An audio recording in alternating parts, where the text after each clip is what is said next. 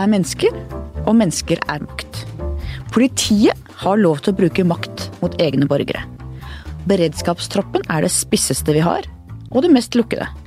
Men noen ytterst få har sluppet inn. Malin Stensønes, forfatter, KrF-politiker og forsvarsvenn, velkommen. Tusen takk.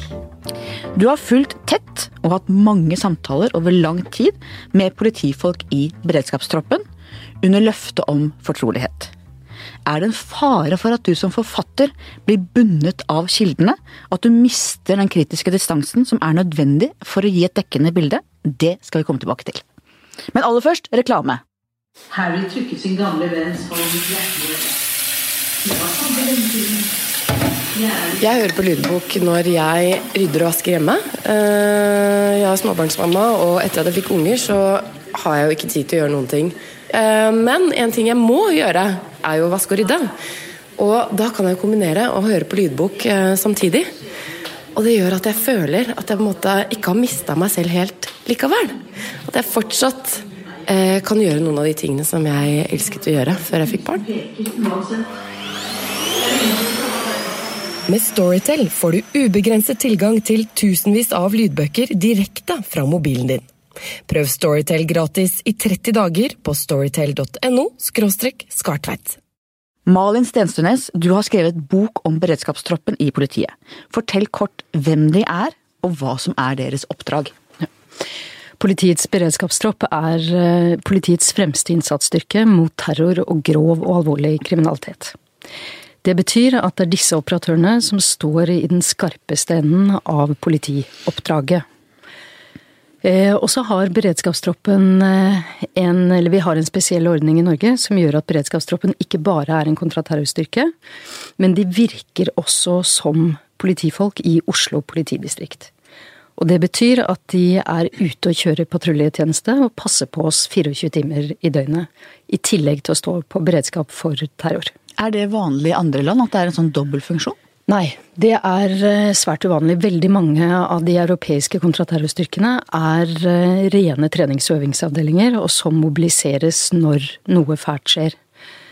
Eh, så har jo mange av disse styrkene fått mye skarp erfaring.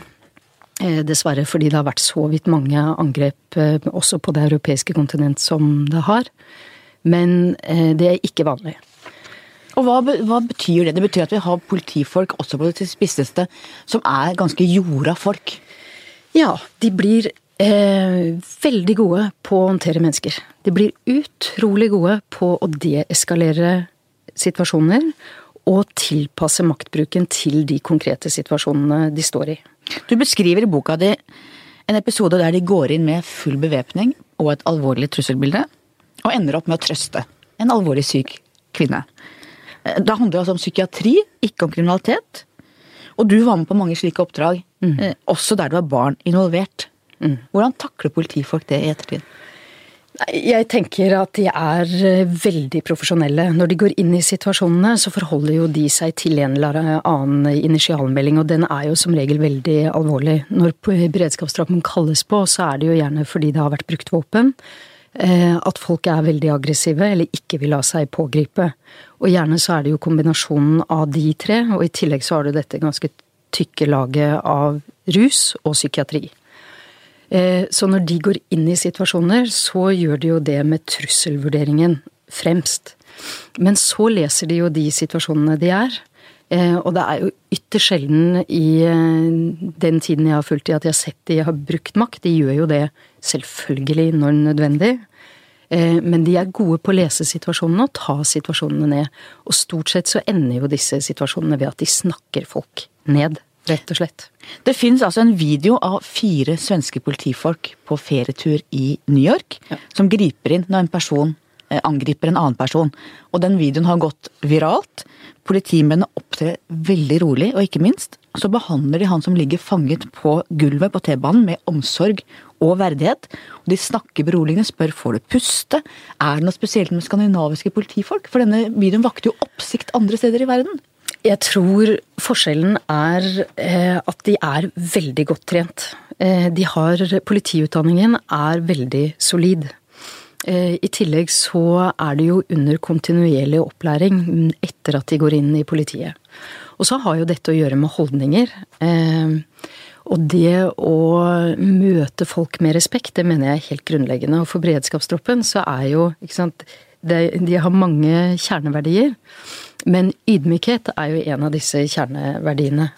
Eh, og det å gå inn i situasjonene med ro, med respekt, det kjenner jeg veldig, veldig godt igjen.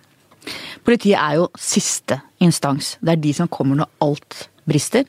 De møter de sterkeste, råeste kriminelle med våpen i hånd, mm. og de svakeste, mest utsatte. Psykiatri, vold, barn som ligger, lider. Hva slags mennesker er det som klarer å stå i et slikt spenn? Nei, du, det har jeg lurt på mange ganger. Eh, fordi eh, Og det vi også må huske på, det er jo at politiet vårt står i operasjoner hele tiden. Eh, og det er en ganske stor forskjell fra Forsvaret, som er ute. Du har et mindset hvor du går Du deployeres, er ute i en periode, det er ekstremt intensivt, og så reiser du hjem. Mens politifolkene våre, de står jo i løpende operasjoner. De løser eh, kanskje ja, de mest ekstreme situasjonene vi møter i vårt samfunn. Og så reiser de hjem etterpå, henter barn i barnehage, eh, handler melk på veien hjem, og så stiller de på jobb igjen eh, neste morgen. Så det krever eh, mye Eller det krever en sterk syke å ha den jobben, det er jeg helt overbevist om. Du fulgte opptaksprøvene til beredskapstroppen tett. Du var til stede, så hvordan det foregikk. Eh, og nærmest kamperte sammen med dem, mens kandidatene løper og spyr, blir testet fysisk og psykisk på et nivå de færreste av oss hadde klart en brøkdel av. Fortell litt om hva du så. Det er jo, eh, Beredskapstroppen er jo en spesialstyrke, og det betyr jo at eh, seleksjon er det mest grunnleggende for alle spesialstyrker. Eh, fordi du er avhengig av operatører som er eh, både eh, som innehar fysisk styrke, men også psykisk styrke. Så seleksjonen er jo retta inn mot det. Du testes i ekstrem grad. Du plukker jo ut de beste politifolkene i utgangspunktet, altså de som er best trent. Men av de som søker beredskapstroppen, så er det altså under 10% som klarer å komme igjennom. Og de er alle menn. Det er bare menn i denne styrken som har klart opptaksprøvene så langt. Og hva kommer det av? Er det de fysiske testene som er for tøffe, eller er det det psykiske? Eh, nei, det er det gjort lite forskning på. Hva tror du? Tror jeg. Nei, jeg tror at eh, det handler om fysikk. Eh, altså syke åpenbart ikke, slik jeg kjenner kvinner. Jeg er helt enig! helt tydelig på akkurat det. Men det er ekstremt fysisk krevende, og ikke bare i én disiplin. Men jeg er helt sikker på at kvinner kan klare opptaksprøven til eh, beredskapstroppen. Det har vært en som har forsøkt de siste to årene, som jeg har heia veldig på. Eh, så at det i politiet er kvinner som kan klare det, det er jeg helt sikker på. Noe som overrasket meg når jeg leste om disse testene, var at også tidligere spesialsoldater, som jeg trodde var de aller, aller ypperste, sliter med å klare de prøvene. Var du overrasket over det? Ja. jeg, jeg, var overrasket over det, fordi jeg kjente jo noen av disse fra før, altså fra Forsvarets spesialstyrker. Og eh, det var jo flere som også røyk ut, i, eh, som hadde spesialbakgrunn fra Forsvaret, som røyk ut under begge opptakene som jeg har fulgt, for jeg har fulgt de i to år. Eh, så jeg syns nok at det var ganske overraskende. Men samtidig så er eh, Jeg må si jeg har blitt veldig imponert over profesjonaliteten i beredskapstroppens seleksjon. Fordi det er så samstemt opp mot deres verdigrunnlag. Eh, og hvor de tester helt konkrete situasjonstester på hvordan de reagerer. Og alle disse har jo masse sterk fysikk og kan klare ting som de færreste av oss klarer. Men det de ofte ryker på, det er jo ikke fysikken, det er jo psyken. På om de evner å ta ting ned i situasjonene, og ikke overforbruk av makt. Og bruker du overforbruk av makt i disse situasjonene, så ryker du umiddelbart. Og det har jeg flere eksempler på. Du beskriver en episode hvor en fyrer løs altfor fort. Og en annen episode hvor en blir helt frossen ja, og ikke frisk. gjør noe. Mm. Og, det, og, du kan ikke ha noen av delene. Ikke sant? Du kan ikke i de situasjonene hvor eh, disse skal virke, og vi må huske på at i deres operasjonsteater så er det jo bare sivile. Eh, det er ikke kombatante sånn som vi kjenner fra Forsvaret. Det Nei, de er, er ikke i krig. De er ikke i krig. De virker i vårt sivilsamfunn. Eh, og det er De opererer inne i våre hjem. De må inn i hjemmene til folk når nødvendig. Så det krever, det krever ro, eh, og det krever nettopp den evnen til å vurdere alle situasjoner ulikt. La oss snakke om kriminalitetsbildet. Du har jo vært med på patruljer veldig veldig mange kvelder og netter og sett noe av det råeste av eh, denne byen, Oslo, mm. hovedstaden vår. Og i svært mange av de patruljeturene du var med på, så er det mennesker med innvandrerbakgrunn som er involvert. Enten det gjelder familievold, gjengeoppgjør eller grov mafiakriminalitet. Og du beskriver det du ser. Du mm. rapporterer på klassisk vis. Men hva tenker du om det? Og hva tenker de politifolkene du er med om det? Jeg tenker nok mange ting om det, eh, og for meg så blir nok aldri Oslo det samme. og når jeg nå går rundt i byen, så forbinder jeg jo gater og plasser med ting jeg har opplevd der. Eh, og når jeg har fulgt det, så har jo det vært Eh, hendelser alt fra drap til eh, de groveste overgrep du kan tenke.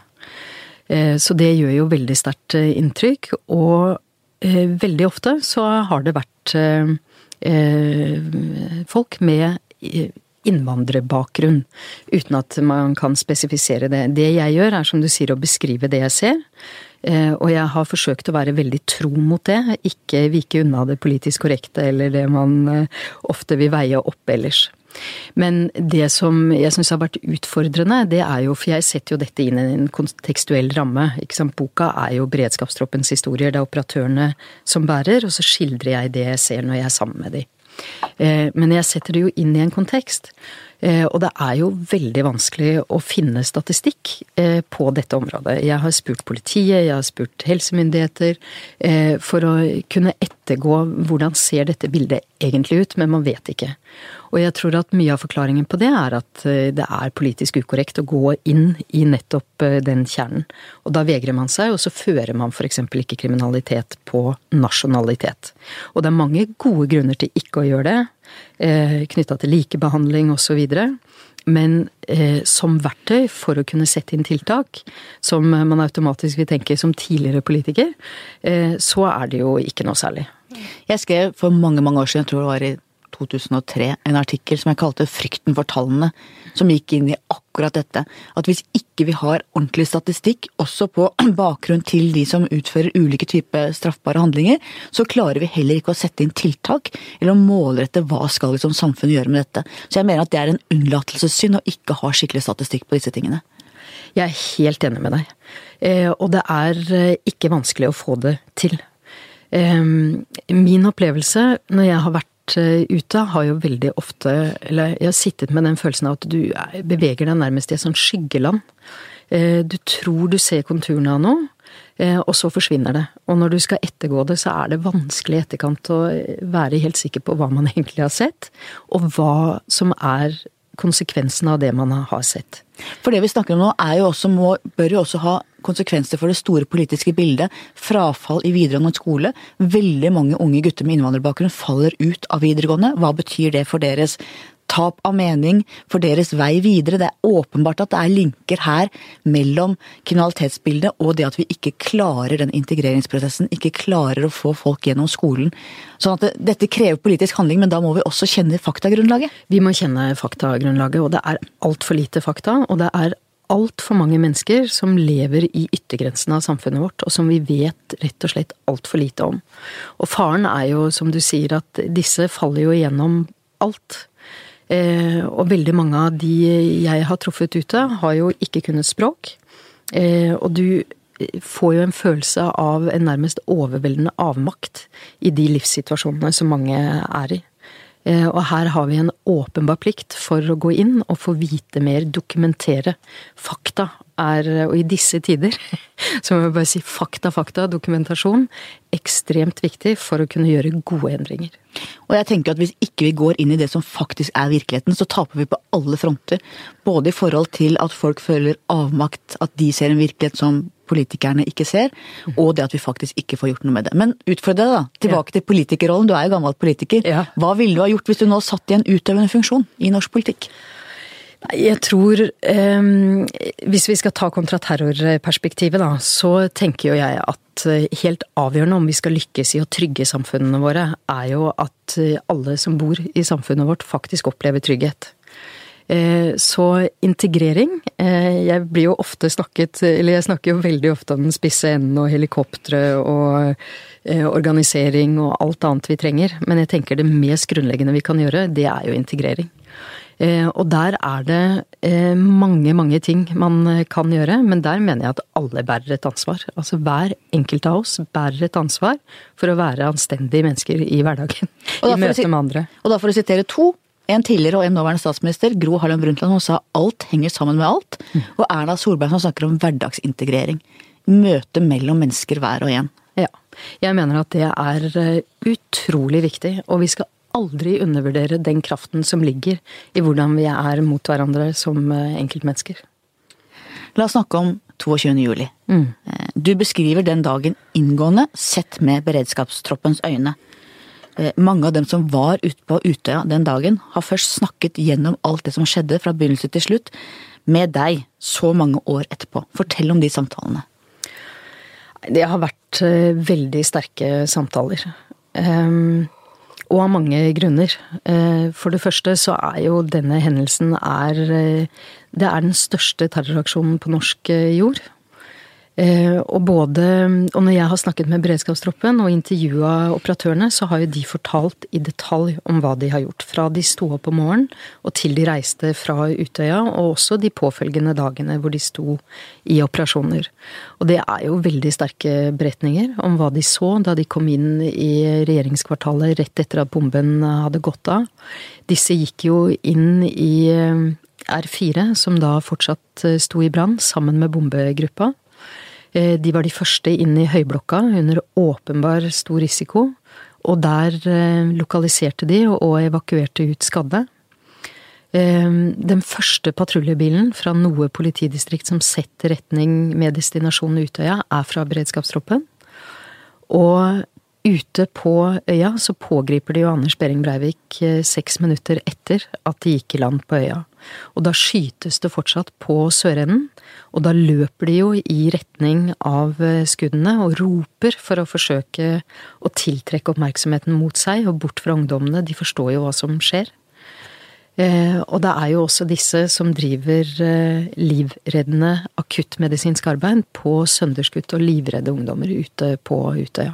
Så det er jo først og fremst veldig sterke beretninger fra første linje i, denne, i politiaksjonen denne dagen.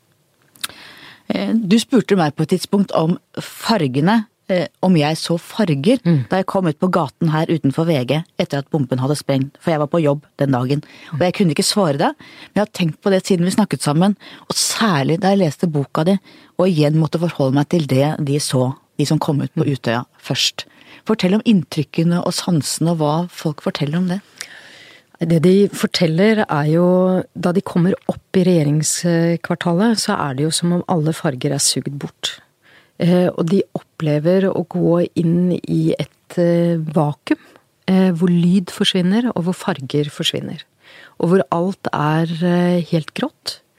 Og når disse kommer inn, så det er jo masse debris, som vi sier på engelsk, eh, i lufta. Så det er papirark som seiler ned, som brenner.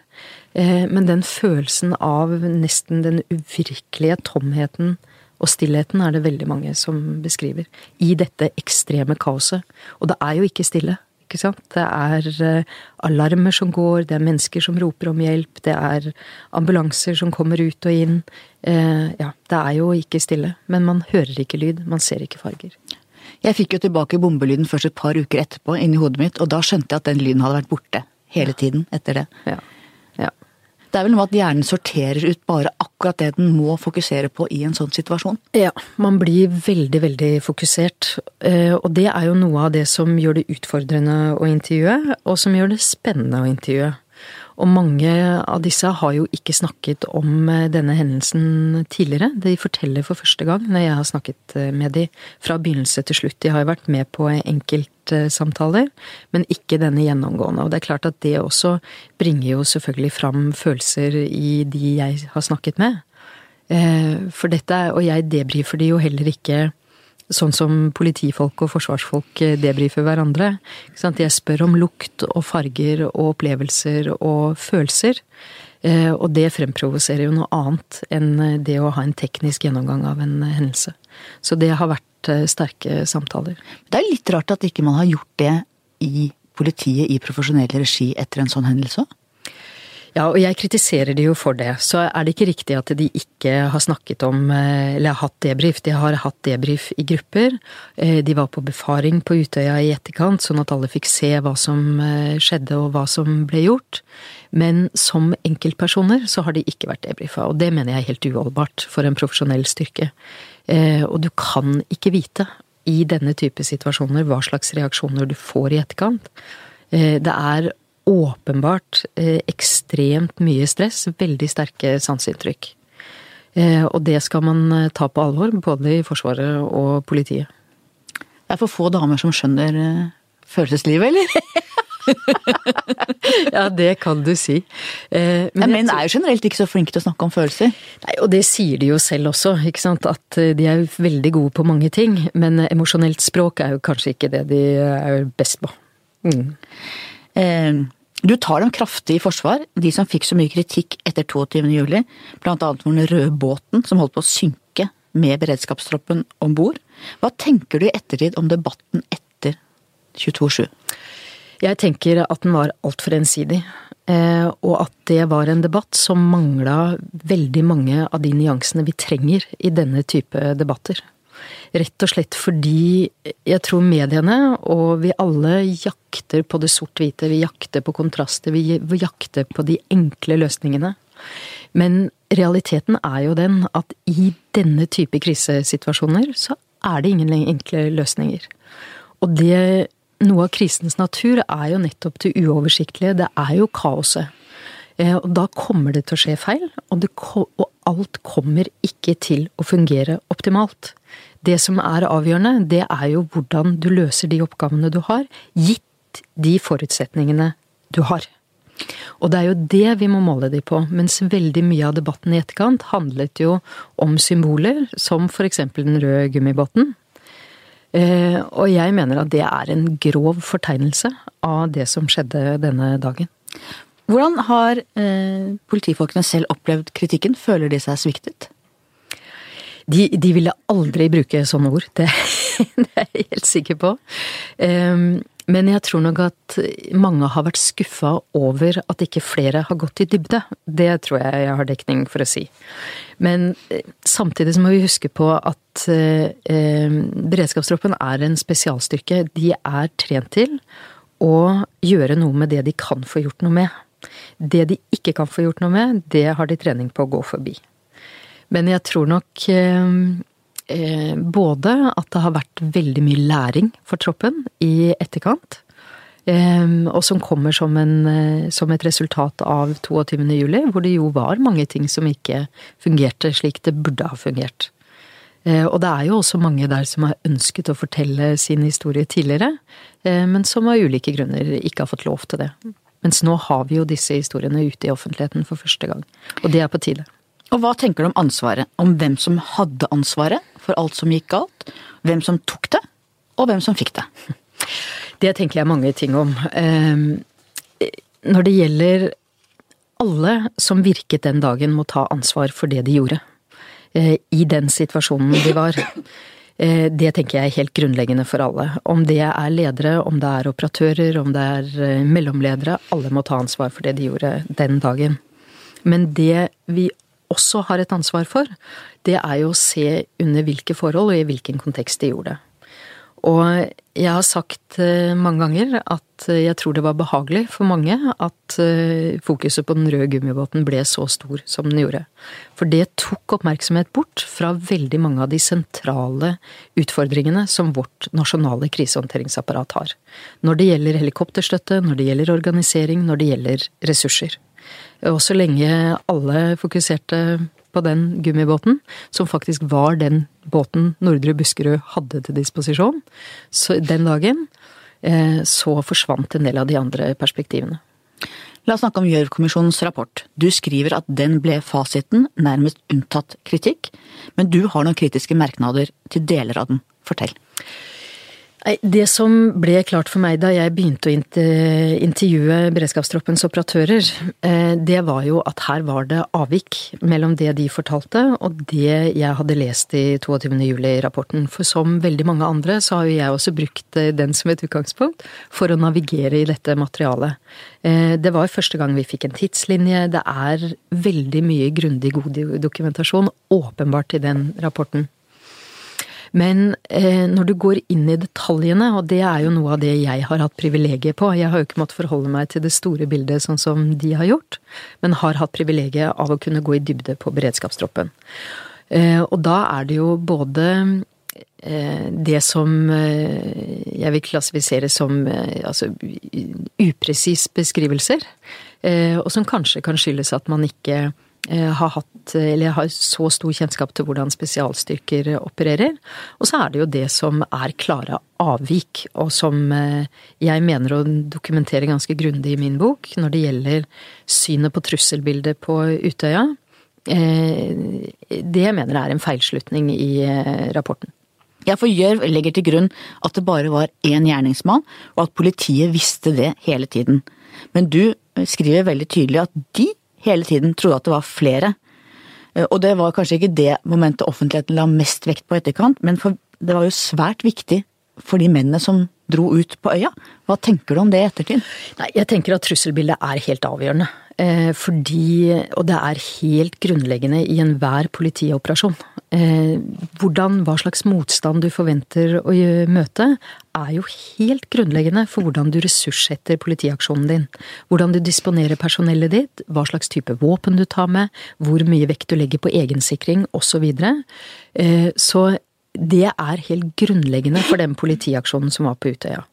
Og det at aksjonsstyrken ikke ble trodd, det er jo rett og slett vanskelig å forstå i etterkant. Eh, fordi det kan jo ikke være andre enn disse som ville vite hva slags trusselbilde de opererte under. Og her tror jeg eh, man Men noe av utfordringen her er jo at vi vet jo ikke hva slags dokumentasjon Gjørv har trukket sine konklusjoner på bakgrunn av. Eh, vi vet at eh, lydloggene i Nordre Buskerud har vært sentralt, vi vet at de er intervjuet, men jeg forsøker jo å ettergå det, da. Og der mener jeg at det er svakheter både i det tekniske materialet og i intervjuene. Og hvorfor tror du en sånn feilslutning? Hvorfor tror du ikke de la vekt på det beredskapstroppsmennene selv sa? Det må du spørre de om. så rett og slett. Men, Men hvordan eh, opplever de det?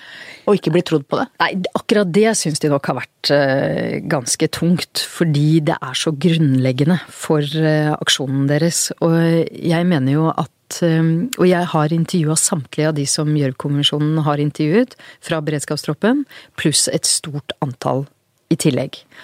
Og det bildet som tegner seg der, er helt entydig. De forholdt seg til at det var tre til fem gjerningspersoner eh, med automatvåpen og muligens eksplosiver. Og det spor, den informasjonen sporer jeg tilbake til to eh, ulike telefonsamtaler hvor disse informasjonene ble kom frem.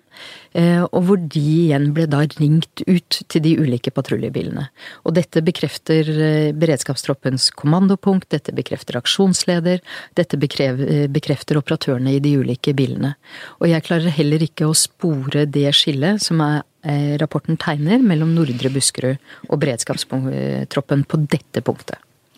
Men du har ikke fått tilgang til avhørene som Gjørv-kommisjonen har brukt? Har ikke fått tilgang, og jeg søkte jo om eh, å få innsyn i fire av intervjuene. Eh, beredskapstroppen er jo anonymisert i sine intervjuer med kommisjonen, men fordi jeg kjente identiteten deres, så ba jeg de om å få samtykke til å få utlevert deres eh, intervjuer.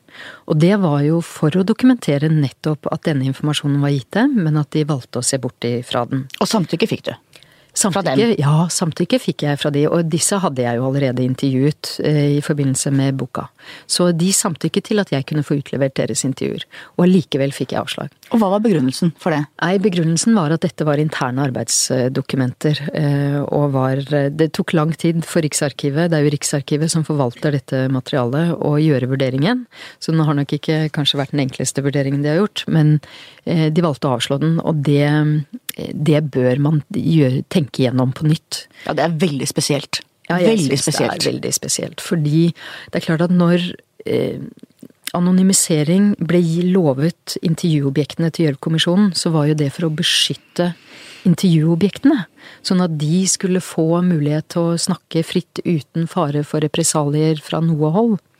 Eh, så tanken har jo vært god for å beskytte intervjuobjektet. Men slik det her kan virke, så har jo den anonymiseringen og unndragelsen fra offentligheten ført til det motsatte. Eh, nettopp å beskytte kommisjonens konklusjoner, og ikke eh, intervjuobjektene selv. Og det kan ikke være hensikten. Nei, det kan ikke være hensikten. Som vi snakket om, det var mye som gikk galt. GPS, radiosambanden, helikopter som ikke kom, det viser seg at det ikke har vært avholdt øvelser spørsmål om kultur og ledelse hele veien opp. På engelsk har man to begreper for ansvar. Accountability og responsibility. Den som er direkte ansvarlig, og den som skal stå til ansvar, som har det øverste ansvaret. Vi har ikke den samme sondringen på norsk. VG mente etter Gjørv-kommisjonen at statsminister Jens Stoltenberg burde tatt ansvaret og gått av. Hva tenker du om det? Jeg tenker at eh, det spørsmålet er veldig sammensatt, men jeg tenker at eh, VG egentlig stilte det spørsmålet som burde stilles, den eh, i etterkant. Det var det jeg tenkte da. Og det tenker jeg vel fortsatt, fordi det er eh, Dette er en så stor hendelse, og det var så mange svikt denne dagen. Og på mange måter så var det jo en beretning om et svikt vi kjente til. Eh, dette er jo ikke slik at dette oppsto akutt denne dagen. Dette skyldes jo i veldig stor grad at vi ikke har prioritert sikkerhet, at vi ikke har prioritert kontraterrorarbeid, eh, at vi ikke har gjort en del av de helt grunnleggende grepene som vi bør gjøre for å sikre samfunnet vårt. Hvis vi ser på etterarbeidet i politiet etter 22. juli, hva har skjedd? I politiet og samfunnet for øvrig. Hva har skjedd, og hva burde ha skjedd? Nei, ehm, jeg tror veldig mange har lært mye.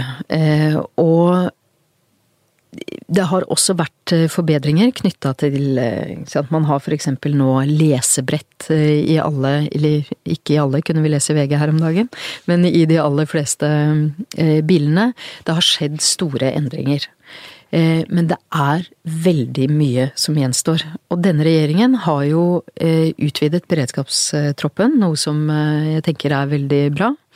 Og tatt gode beslutninger. Men det er jo veldig, veldig langt igjen før vi har den sikkerheten vi bør ha på dette området. Vi har fortsatt ikke helikoptre som kan ta våre spesialstyrker frem når vi trenger de som mest. Det er jo helt utrolig. Jeg bare kjenner i magen. Jeg, synes, jeg klarer ikke å fatte det. Nei, det er, det er veldig vanskelig å forstå. Det er fem og et halvt år etter denne hendelsen, og fortsatt så De har ikke spesialstyrkene dedikerte helikoptre. Man skal trekke på Forsvarets ressurser, øh, og Mobiliseringstiden er halvert, men du vet at én time er mobilisering på helikopter i dag. Ehm, beredskapstroppen har nå en klartid på fem minutter, eh, sånn som de er satt opp på første patrulje. Altså første team som kan rykke inn. Eh, det er en så stor mismatch mellom hva vi kan få til på det operative nivå, og de ressursene som er til rådighet, eh, eller som samfunnet har et ansvar for å stille til rådighet. Eh, hva med samarbeidet politi og forsvar? Du beskriver om en episode for noen år siden under Stortingets åpning, da politiet hadde grunn til å tro at det kunne skje noe, og bestilte helikopter. Og så var det altså politisk ledelse i Justisdepartementet som grep inn og stanset forespørselen. Fortell mer om hva som skjedde da. Den historien er jo nesten litt sånn spinnvill. Det er jo sånn at du nesten ikke tror det er sant. Men det som skjer helt eh, konkret, er at eh, det kommer inn en melding på en person som har fremmet trusler mot eh, en rekke myndighetspersoner i Norge tidligere, som også er dømt for dette. Og han ble observert på en bensinstasjon i ferd med å laste bensinkanner på en hvit pickup truck. Og så forsvinner han. Og det setter jo alarmklokkene av eh, ganske kraftig hos ganske mange, for dette var jo i eh, oktober, altså rett etter hendelsen eh, på Utøya og i regjeringskvartalet. De, Beredskapstroppen gjør da de forberedelsene de ønsker å gjøre, og ber blant annet om å få skarpskyttere opp i helikopter over Stortinget for å kunne ivareta sikkerheten på best mulig måte. For denne dagen så er det åpning av Stortinget, og det betyr jo at alle maktpersoner i Norge, fra regjering, storting, kongehuset, kommer til å være samla på ett sted. Eh, da må man sørge for at man tar alle de forhåndsregler man kan. Så de søker da på ordinær måte, og det tar lang tid å få svar. Og når de får svar, så avslås anmodningen om skarpskyttere. En politisk vurdering, ikke en politifaglig vurdering? Ikke en politifaglig vurdering, det var en politisk eh, vurdering. Og at man ikke da ønsket å ha eh, skarpskyttere liksom hengende ut over eh, eh, eh det fremste symbolet på vårt demokrati. Eh, jeg mener at de er en At de tør, sier aksjonsleder den dagen. de ble forbanna? Ja, de ble jo veldig Det er klart de gjorde det. For hvordan skal man argumentere for en sånn type beslutning? Men eh, de er jo trent da, til å finne andre løsninger. Så når de ikke kan bruke helikopter, så må de jo da se etter, eller styrke andre typer tiltak. Og det var jo det de gjorde. Eh, ja. Så er jo den historien enda villere med tanke på at eh, her, eh, når anmodningen om bistand kom, så tenker noen i Forsvaret eh, at det er jo en anledning til å bruke Forsvarets skarpskyttere. Eh, så de mobiliserer jo da FSK, som er på vei til en øvelse FSK er? Er Forsvarets spesialkommando. Og de er på vei til en øvelse på Vealøs, eh, og dette kjenner de til. Så de blir ringt opp og blir bedt om å møte opp i E-tjenesten og gjøre seg klar til å gå opp i helikopter. Og de har ikke Altså det er ingen som har mobilisert de, de mobiliserer seg selv. Og på forsvarssiden, altså fra FOH. Og eh, FSK utfører jo ordre, så de eh, tenker fint, da gjør vi det. Eh, men de hadde ikke ammunisjon til sine våpen. Så det må de da få ettersendt fra, fra Rena. Og da, der er tilfeldigvis kongeeskorten og trener. Og de sier da at de kan ta med seg eh, ammunisjon til FSK. Så de kjører det som et utrykningsoppdrag til til Oslo. Og da kjører de, og grunnen til at vi vet om dette, er fordi de kjører gjennom et sprengningsområde som de ikke skulle ha kjørt eh, gjennom, og blir da stoppet og har hele bilen da full av ammunisjon. Eh, og det ble sendt ut en pressemelding fra Slottet etterpå som presiserte at ingen av kongehuset var i bilen.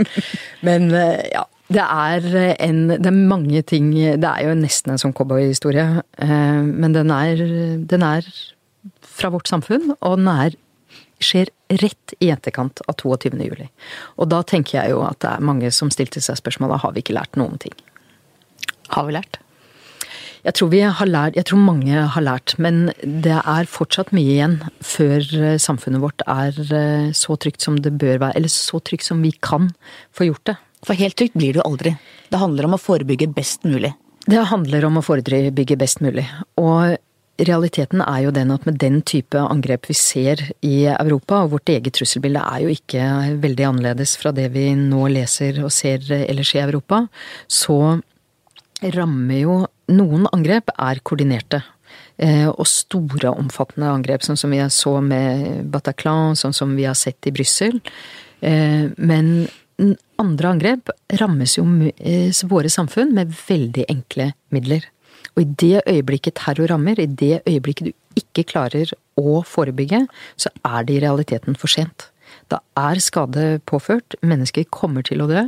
Spørsmålet er hvor hurtig du klarer å rykke inn for å begrense skade. Det er egentlig det vi snakker om. Vi skal nevne tre ting som burde ha skjedd etter 22. juli, og som fortsatt ikke er i orden, hva skulle det være?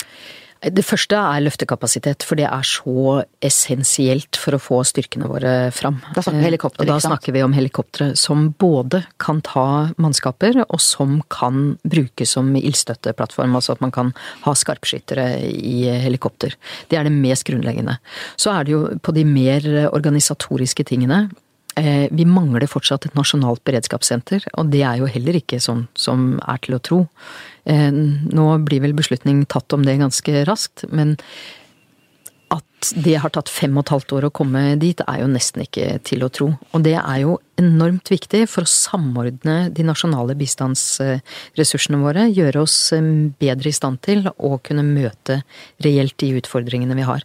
Den koordineringen, den må du ha gjort på forhånd. Alle avklaringer, alle grenseoppdragninger, det må du ha gått opp på forhånd. Det er ikke tid i en skarp eh, situasjon.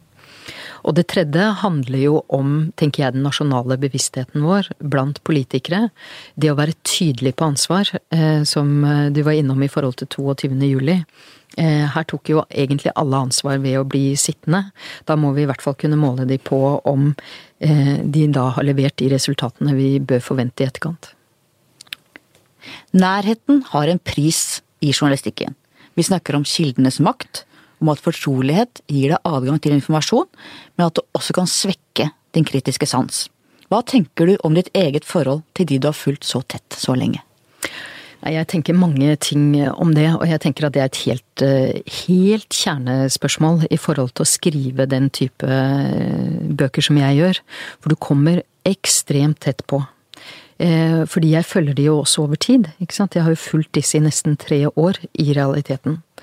Eh, og jeg tenker man må eh, være ekstremt bevisst den rollen man har. Eh, jeg gikk opp med veldig stor tydelighet i forkant med beredskapstroppen hva som var mine forutsetninger for å kunne gå inn. For jeg er ikke en historiker som går inn og som de betaler eller har noe forhold til på den måten. Hvis jeg skulle inn, så var mine premisser helt tydelige. Utvalget måtte være mitt. Eh, og jeg husker jeg snakket blant annet i ledergruppa til BT og forklarte de hvordan de jobbet med forsvar. BT? Eh, beredskapstroppen. Eh, og jeg forklarte de hvordan jeg hadde jobbet med Forsvarets spesialstyrker, og da sa jeg blant annet at når det gjelder um, vurderingene på hva som skal med. Hvis Helge og jeg er uenige, som da er sjef i beredskapstroppen, så er det jeg som bestemmer.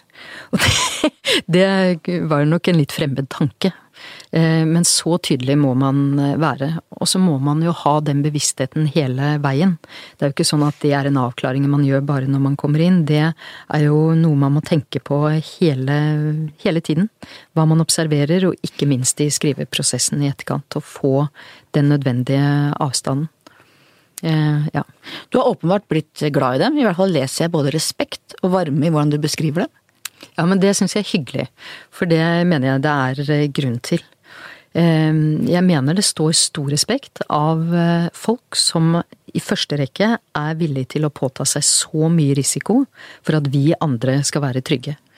Ehm, og når de gjør det med så vidt mye respekt som det de gjør, ehm, og også omsorg i forhold til kanskje noen av samfunnets mest utslåtte, så eh, ja, så kan man eh, Man får respekt av det.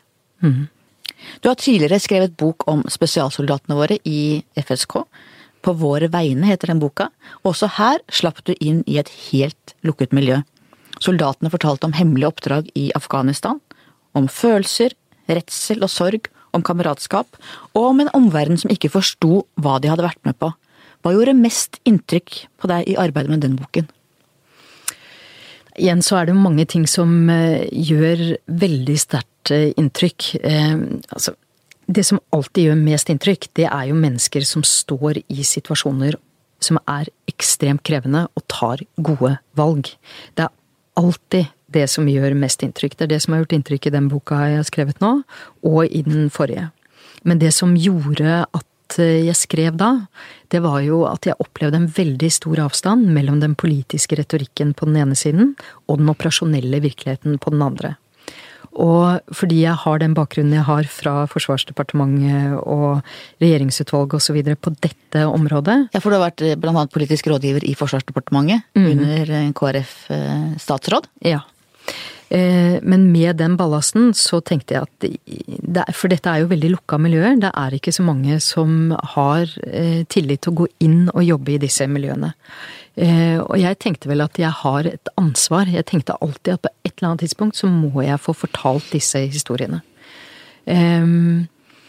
Og det er jo fortsatt det spennet, altså mellom den politiske retorikken, som jo jeg tenker også gjelder på kontraterrorområdet, eh, hvor vi har mye god retorikk, men virkeligheten ser ofte litt annerledes ut. Og det er jo noe av det som er drivende som dokumentarist, da. Det er jo, ikke sant, å få disse informasjonene frem. Og med tydelighet. Eh, og jeg, da ville jeg at vi som samfunn skulle være helt tydelige på dette er våre soldater, de har vært der på våre vegne. Og politikerne ville jo veldig lenge ikke erkjenne at det var krig. De snakket om det så nærmest som en humanitær operasjon. Hva tenker du om det? Nei, Jeg syns det var veldig Det er fortærende, for det gjør også noe med tiltroen til hele vårt politiske system. Vi må være helt klar over at i den perioden Norge var i Afghanistan, eh, så har det vært gjennomført noen av de hardeste kampene som norske soldater har vært i siden annen verdenskrig. Og paradoksalt nok så skjedde jo veldig mange av kampoperasjonene i nord skjedde jo med SV i regjering, eh, og med Arbeiderpartiet som eh, ledelse. Og eh, så noen av de mer sånn krigskritiske, som SV var, satt jo med beslutning, beslutningsmakt i den perioden hvor den norske krigføringen var kanskje den mest brutale siden annen verdenskrig. Og det er eh, Jeg mener at vi har en plikt på å få den type informasjon frem. Fordi det handler om ansvar. Det handler om ivaretagelse av soldatene våre. Ikke minst når de kommer hjem etter å ha stått i den type krigsvirkelighet over tid som vi gjorde i Afghanistan.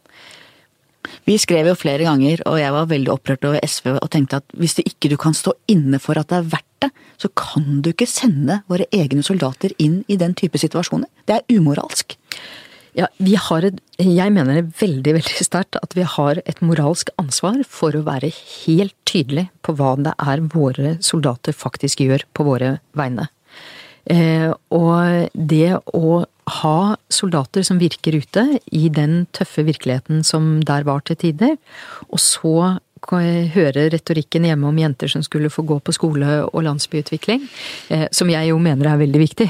Ja, jeg òg. Men eh, det er ikke Det har ikke noe med soldatene våre å gjøre. Og det må vi være veldig, veldig tydelige på. Og jeg mener at det står stor respekt av alle de tusener av kvinner og menn som har eh, påtatt seg tjeneste på våre vegne. I Afghanistan, på Balkan, eh, Irak. Eh, ja, I alle de operasjonene som Norge har tjenestegjort, eller hatt engasjementer i. Du har selv politisk bakgrunn, vært aktiv i KrF i hele ditt voksenliv. liv. KrF-er og forsvarsvenn, det må du forklare. det er ikke sånn veldig mange av oss. Jo da. Eh, bakgrunnen var jo eh, Eller mitt engasjement for KrF ble jo tent for lenge siden, og det var jo som det var for mange av oss i ungdomspolitikken. Det var ikke Forsvaret da? Det var ikke Forsvaret, det var Operasjon Dagsverk for alle pengene. Alltid. Eh, og det gjorde jeg i veldig mange år. Og ja, fant fram i KrF som i og for seg ikke var noe naturlig valg for meg sånn familiemessig. Eller jeg har ikke noe sånn arv, sånn som mange. mange arver jo parti. Du er ikke født inn i det? Jeg er ikke født inn i det. Jeg har eh, Begge mine foreldre er ateister, så jeg har eh, Nei, jeg var ikke født, født inn i det. Men valgte eh, valgte KrF, eh, bl.a. pga. nord-sør-problematikk og verdipolitikk, som for meg er veldig, har stått eh, sentralt. Og nå har jeg snakka meg så langt bort at jeg husker ikke spørsmålet ditt. Forsvarsvenn og KrF-er. Kombinasjonen. Ja. Nei, men så kom jo, ikke sant, så skulle vi jo inn i regjering. Eh, Bondevik I-regjeringen, sentrumsregjeringen. Og det var vel knapt noen som var mer overrasket over den enn oss selv. Eh, og da var man jo på jakt etter folk som kunne gå inn i regjeringsapparatet. Og da fikk jeg egentlig en generell forespørsel om å gå inn. Eh, og syntes at det var spennende, og så kom, ble det da konkretisert til Forsvarsdepartementet. Så da kom jeg inn dit, ja. Og du er altså kvinne fra KrF, og er den som kanskje aller best utenfra kjenner de lukkede miljøene med spesialoperatør i Norge. Du har fått deres tillit, Dere har snakket om oppvekst, om kjærester, om familieliv. Hvordan kom du så tett innpå dem?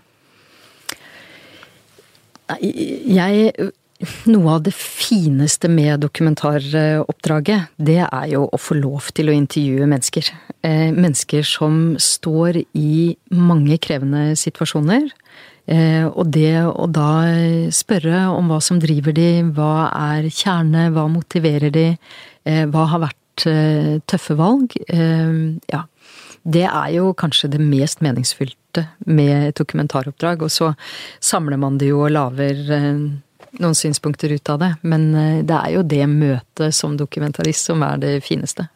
Men tror du det også handler om din bakgrunn fra KrF, at du fra kirken har et språk for liv og død? For å ofre seg, et evig tema i kristendommen? Kanskje. Eh, det er i hvert fall spørsmål som jeg er veldig opptatt av, og som jeg lurer på. Eh, og som jeg spør om. Eh, men det er jo hele tiden den balansegangen mellom det private og det personlige. Eh, fordi historiene skal være personlige. Eh, og det er jo fordi det er jo mennesker som setter fotavtrykk, uansett om det er i den skarpeste enden av politioppdraget, eller det er i ledelse, eller det er som politiske redaktører. Det er jo verdiene, det er jo det vi er lagd og støpt av, som, ja, som er det spennende og interessante. Men når voldsmenn truer, enten det er i krig eller i terror, så trenger vi noen som er modige, som står fram, som faktisk er villige til å ofre seg. Og de du har kommet tett på, både i beredskapstroppen og i spesialstyrkene, gjør jo det. Har de et bevisst forhold til det? Ja, i aller høyeste grad. Det opplever jeg veldig, veldig sterkt. Det er noe de har tenkt grundig gjennom, og er en konsekvens av yrkesvalg. Ehm, kanskje tydeligere på ett vis i Forsvaret, hvor du reiser ut i krig, og hvor du vet at tap av liv er eh, ikke uvanlig. Eh, enten fordi du eh, kan utsettes for angrep, eller fordi du må ta liv. Og det å ha refleksjoner i begge ender, både om du evner å ta liv når det er nødvendig, Eh, og det å være villig til å ofre eget liv, det opplever jeg at de har et veldig sterkt eh, og bevisst forhold til. Og også blant beredskapstroppen så opplever jeg en veldig sterk dedikasjon. De har en utrolig sterk tro på det de gjør, og en sterk lojalitet til samfunnsoppdraget.